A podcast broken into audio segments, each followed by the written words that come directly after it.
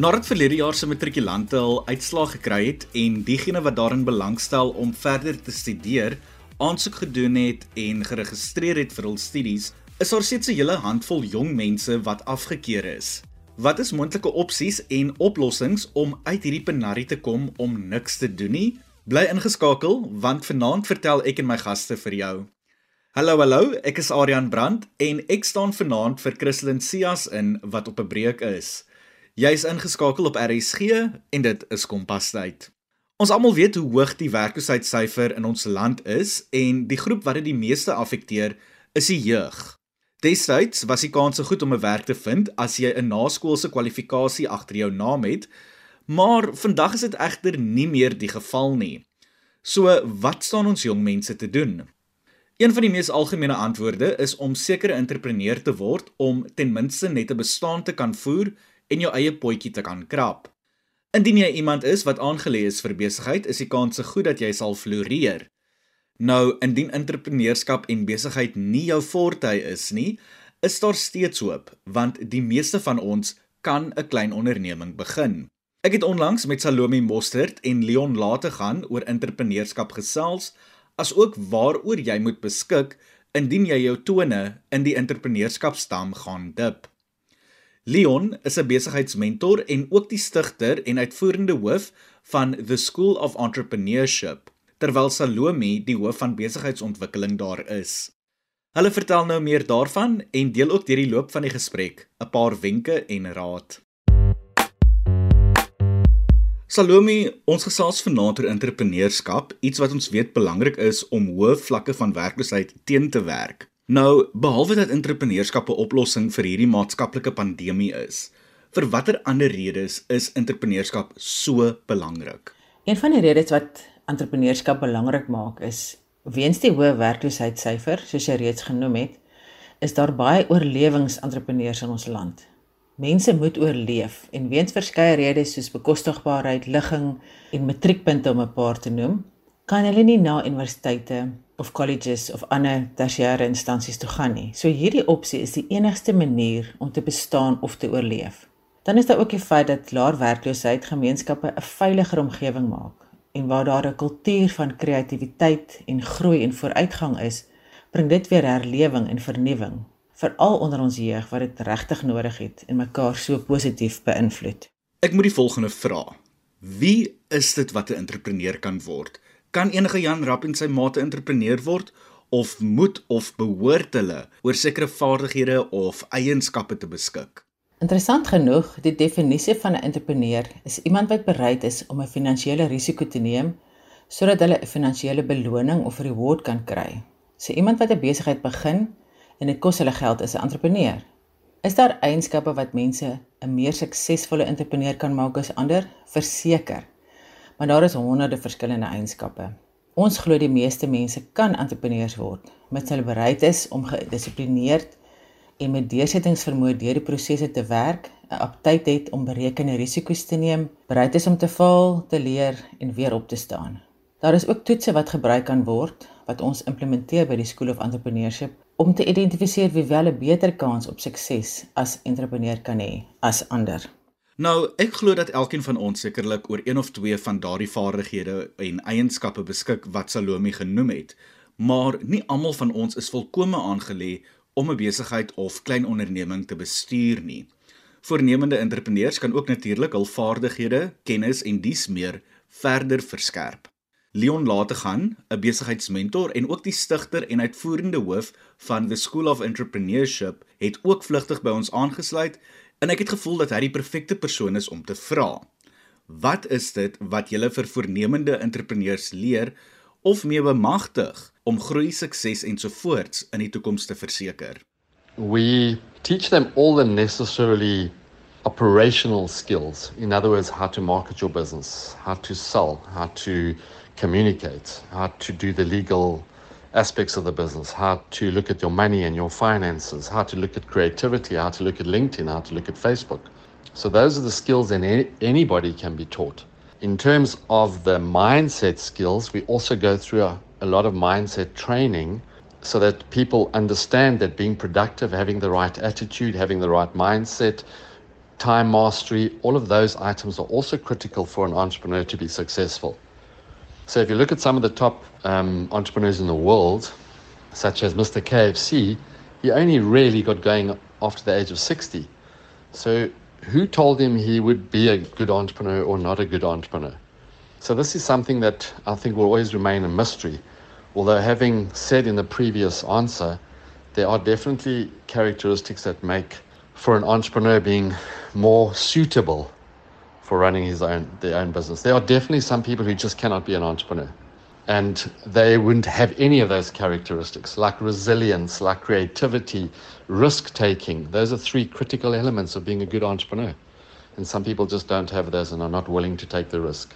Die program dek 'n wye spektrum van operasionele vaardighede om 'n paar te noem um, wat belangrik is. Almal is belangrik, maar om 'n paar te noem, tydsbeplanning, verantwoordbaarheid, um accountability soos almal ons ons almal dit ken, doelwitstelling en visie, jou navorsing en die bestudering van jou besigheidsidee, jou produkte, is dit eksklusief, probleemoplossing, alles rondom die uh, value proposition uh jou prysbepaling, handelsmerk, bemarking en jou besigheidsmodel. En in daai eerste 3 maande help ons ons studente om 'n uh, webtuiste op te stel met 'n CRM-stelsel, jou customer relations management stelsel, e-posse, aanlyn verkope platform, ons doen finansies, jou wetgewing rondom dit. En in fase 2 ehm um, werk ons baie rondom jou mindset, ons het 'n Enneagram assessment, jou denkwyse, leierskap oorkom jou vrese, sosiale entrepreneurskap. Vertel jou storie, jou verkoopsiklus, probleemoplossing, opstel van kontrakte, ehm um, hoe om verandering te hanteer, jou sosiale media wat baie belangrik is, bou van jou netwerke en hoe jy met algoritmes werk. Ons almal weet mos hoe die algoritmes mens baie keer kan uitgooi. En dan die laaste deel van ons program is for life. So met ander woorde, ons studente bly deel van ons soos ons dit noem, ons closed entrepreneurial community vir 'n leeftyd of solank as wat hulle wil waar hulle maandeliks toegang kan hê tot mentorsessies, netwerkgeleenthede, inligting kry oor nuwe tegnologie, nuwe uitvindings, um, enige iets wat hulle kan help met hulle besigheid waar waar hulle ook al is op daardie stadium. En dan daardie woord um sustainability wat so op almal se lippe is, is ons vir ons net so belangrik. So ons accountability coach is ook deel van hierdie proses. Nou hierdie klink na 'n magdom inligting. Dit is regtig baie wat ons dek wye wye spektrum.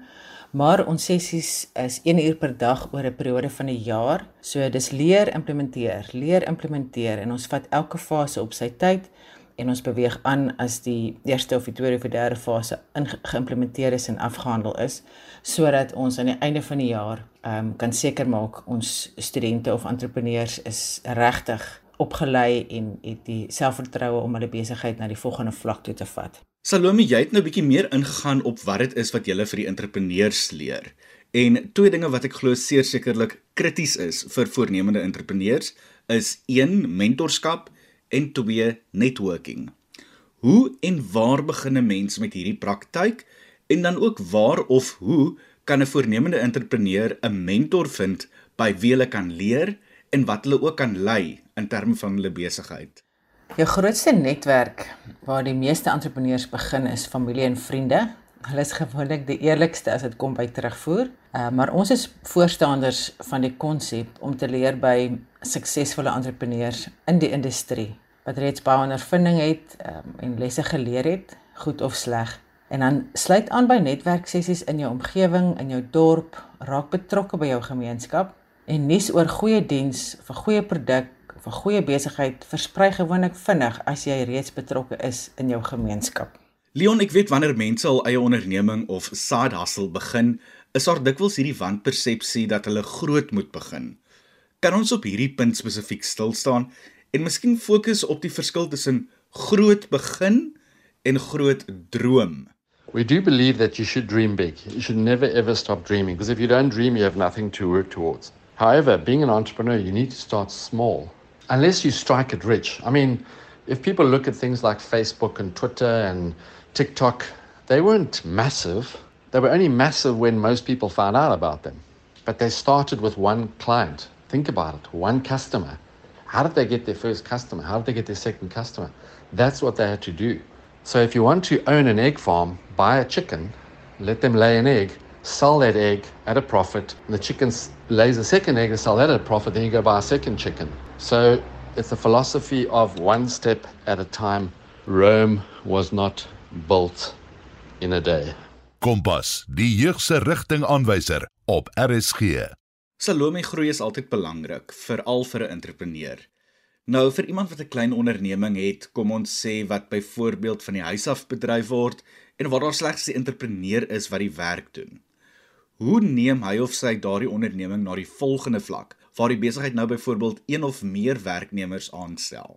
Nie alle entrepreneurs wil noodwendig groei en uitbrei om baie groot te word nie. Ek verwys spesifiek na die oorlewingsentrepreneurs in ons land wat gelukkig is om 'n goeie bestaan te maak met hulle besigheid en lewenskwaliteit wat dit bied en hulle is net so belangrik in ons industrie. En dan entrepreneurs wat wel wil groei, maak seker jou beplanning is deeglik gedoen en in plek. Jou projeksies, veral finansiëel, is akkuraat en konservatief gedoen om mee te begin. Neem klein trekkies op beslag en dan laat ruimte om dit wat jy verander of implementeer het te evalueer voor jy aanbeweeg. En laastens, bemagtig jouself deur kursusse by te woon om jou kennis en selfvertroue te gee om te groei met die ondersteuning wat jy nodig het om daai stappe te neem. So, om 'n besigheid te groei, het jy seker geld en kapitaal nodig en ek dink dit is dikwels een van die dinge wat voornemende entrepreneurs vrees vir al die risiko wat daaraan gekoppel is. Watter raad het julle in hierdie verband aan voornemende entrepreneurs of selfs entrepreneurs daar buite? Entrepreneurs wat dink kapitaal is 'n vereiste om 'n besigheid te begin, kan misleidend wees. Vir sommige is dit 1000 en vir ander is dit 100 000 rand. Daar is wel baie instansies, privaat en van die staat, wat befondsing beskikbaar stel vir entrepreneurs wat dit benodig. Ons het 'n perfekte voorbeeld van 'n verwer wat gemiddeld 4000 rand per maand verdien het. En hy was oortuig daarvan dat hy 'n voertuig nodig het om te groei. Met 'n bietjie leiding en die opsie om in 'n Uber te spring met sy verfkwaste, het hy binne 4 maande sy inkomste verhoog na 100 000 per maand, wat toewel die koste vir 'n tweedehandse bakkie kon dek. So as hy bly glo het hy moet skuld aangaan of hy moet befondsing kry om 'n voertuig te koop voor hy kon groei, het hy dit dalk nooit gedoen nie. So entrepreneurs moet met kreatiwiteit en inisiatief na alle opsies kyk vir oplossings en nie dat 'n kapitaaltekort jou inperk nie. Soos Salome noem, is daar instansies wat entrepreneurs ondersteun met kapitaal en van die instansies wat spesifiek ons jeug bystaan met befondsing is die Nasionale Jeugontwikkelingsagentskap, oftewel die NYDA. Salome, ek het al telke maal gehoor dat die meeste klein ondernemings in die eerste 2 jaar vou. Wat is die redes daarvoor?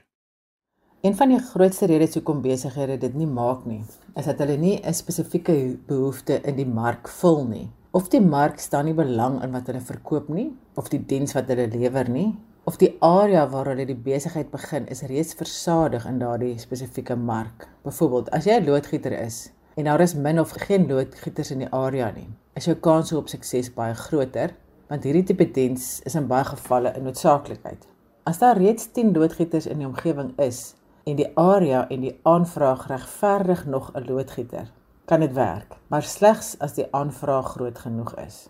Dit is ook die rede hoekom marknavorsing en die kennis oor jou kompetisie so belangrik is. Nog 'n bepalende faktor vir die sukses van 'n entrepreneur is is mense bereid om jou genoeg te betaal vir jou diens of jou produk sodat jy as entrepreneur 'n wins kan maak en 'n groot genoeg wins om te kan oorleef en groei. Dit is Salome Mostert, die hoof van besigheidsontwikkeling by the School of Entrepreneurship wat saamkuier in Kompas en oor entrepreneurskap gesels, asook die verskillende uitdagings en wanpersepsies wat mense soms hiervan het. Leon Lategan, 'n besigheidsmentor, het ook vroeër saamgekuier en 'n paar van die dinge aangespreek. Ek dink een van die dinge om te onthou wanneer jy jou eie klein onderneming of SADA sal begin, is om klein te begin. Soos Leon genoem het, Rome was nie in 'n dag gebou nie. Wanneer jy klein begin, leer jy ook dinge en jy bou ervaring op. Dit beteken egter nie dat jy groot mag droom nie. Maak net seker dat jy geanker bly.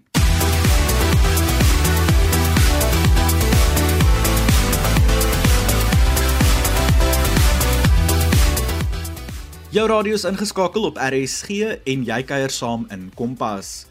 Ek is Adrian Brandt en ek staan in vir my kollega Christlyn Cias wat op 'n breek is. Vir die breek het ons oor entrepreneurskap gesels, spesifiek as 'n oplossing vir ons jeug en veral verlede jaar se matrikulante wat nie vanjaar studeer nie of dalk nie werk kan vind nie.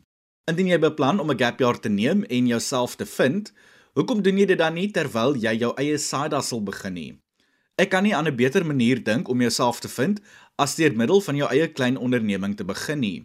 Tergelykertyd kan jy ook 'n paar rand verdien en jy is ook daarvan verseker dat jy nie heeldag gaan rondsit en poep ryk nie. En is dit nie tog die doel van 'n gap jaar nie?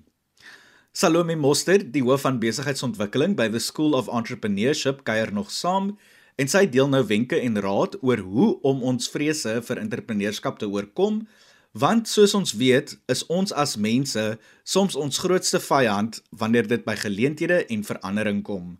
Ek en Salome gesels nou verder.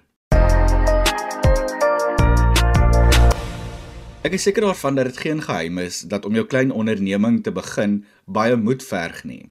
En dikwels is voornemende entrepreneurs bang om daardie kans te neem. Salome, dink jy dat ons, met ander woorde voornemende entrepreneurs, moontlik een van die faktore is wat ons agterhou? En dan ook wat is ander redes? Ja, ehm um, entrepreneurs is geneig om meer gemaklik te wees om 'n risiko te neem. Ehm um, en interessant, ons het 'n vraelys wat ons eie studente moet invul voor hulle met ons kursus begin. En een van die vrae is, wat is die grootste rede hoekom hulle nog nie met hulle eie besighede begin het nie? Meer as 80% se antwoord is vrees. Hoofrede, vrees. Vrees vir mislukking, vrees vir die onbekende, vrees vir die verlies van 'n stabiele inkomste en die sekuriteit wat hulle moet opgee wat dit hulle gee. Maar die goeie nuus is daar is regtig hulp om goeie voorbereiding te doen, goeie marknavorsing te doen om die risiko's te minimaliseer om of om ten minste berekende risiko's te neem. Dit kan meer gewoonlik sene wees en stel mense meer gerus voor hulle op hierdie entrepreneurial journey gaan. Op daardie noot van vrese. Hoe kan voornemende entrepreneurs hul vrese, die verskillende uitdagings wat hulle ervaar, asook die dinge wat hulle terughou, oorkom? Leer by suksesvolle mense met ondervinding, met praktiese ondervinding, nie boekekennis nie, praktiese ondervinding. Skryf in vir 'n program of 'n kursus wat jou sal bemagtig om kennis en die vermoëns te bekom wat nodig is om suksesvol te wees. Dink lanktermyn. Vra vra en wees krities. Dink lateraal en dink uit die boks uit. Wees oop vir groei en wees deel van 'n gemeenskap en 'n netwerk wat jou sou ondersteun. En staan jouself bloot aan geleenthede, aan geleenthede wat vir jou daai ondervinding sal gee. Identifiseer jou eie swakpunte en vul dit aan met iemand anders wat jou swakpunte kan komplementeer. Dit werk gewoonlik vice versa dat mense mekaar komplementeer en so die pilare van jou besigheid opbou en ehm um, sterk hou vir langtermyn sukses. Ek hou van wat jy sê en hulle sê ook mos nou nie verniet dat twee koppe beter is as een nie. Ons moet groet, maar ek hou altyd daarvan om ons luisteraars te bemoedig en te bemagtig.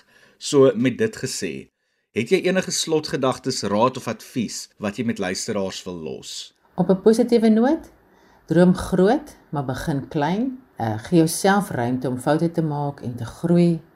Moenie bang wees om te vra nie. Daar is werklik 'n magt om kennis en ondervinding daar buite. En glo in jouself, want goeie entrepreneurskap kan in swak ekonomieë bestaan.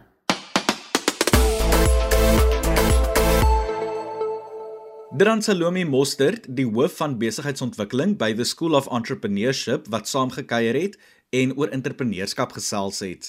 Entrepreneurskap is maar slegs een opsie om te oorweeg wanneer jy nie werk kan kry nie of niks het om te doen gedurende die dag nie, veral as jy onlangs gematrikuleer het. Nou, as entrepreneurskap werklik waar nie jou ding is nie en jy dit eerder verkies om in die ratreis van 9 tot 5 vasgevang te wees, dan moet jy seker aansoek doen vir 'n werk. Nou, ons almal weet egter dat werk so skaars soos hoendertande is, Maar daar is sekere dinge wat jy kan doen om jou kansse vir werk te verbeter en dit is deur middel van werkservaring op te bou. Ek het onlangs met Christian Jouberg gesels wat tans 'n 3de jaar BCom regte student is. Christian het groot drome om in die regte te werk, maar hy het vroeg besef dat om daardie drome te verwesenlik, sal hy werkservaring moet opdoen.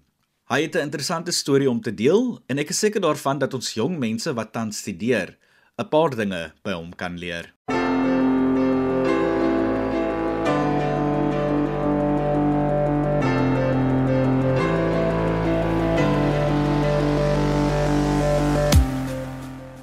Hi, ja, my naam is Christian Huber en ek swat by kom regte by Edgewater Tygervallei. En ja, dit is my derde jaar wat ek nou studeer. So ja, deur my uh, skoolloopbaan het ek eintlik gewerk hier, maar hier en daar my pa gehelp is 'n besigheid. Maar nou in my universiteitsjaar uh, het ek um, gewerk as 'n lugballon crew member, so ek help vlieg lugballonne uit Stellenbosch uit. Ek doen nou seker so 4 maande van nou af. So uh, November 2022 het ek begin. En ja, dit vat ons moet in die oggende vir 4 uur se kant, 5 uur se kant op site wees en dan ons gewoonlik so 9 uur 10 uur kan by die huis.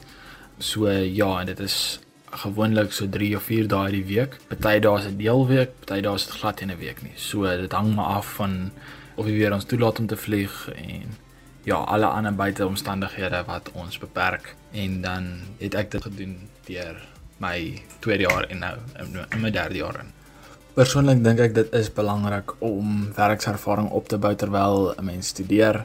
So dis hoekom ek maar probeer soek vir werk in deeltyds om in die bekom regte veld sodat ek daai ervaring bietjie kan uitbrei en want veral wanneer in vandag se tyd waar mense aansoek doen vir werk soek ja mense soek steeds ervaring. Ek het al intern aansoek gedoen vir internskap waar hulle vir my gesê het ek het nog genoeg experience nie. So en dit is 'n internskap. So dit wissel maar van tyd tot tyd. Ja, maar ek dink dit is 'n baie belangrike rol en baie belangrike doel om werkservaring op te bou so vroeg as wat jy kan sodat jy so maklik soos wat jy moontlik kan werk kan kry.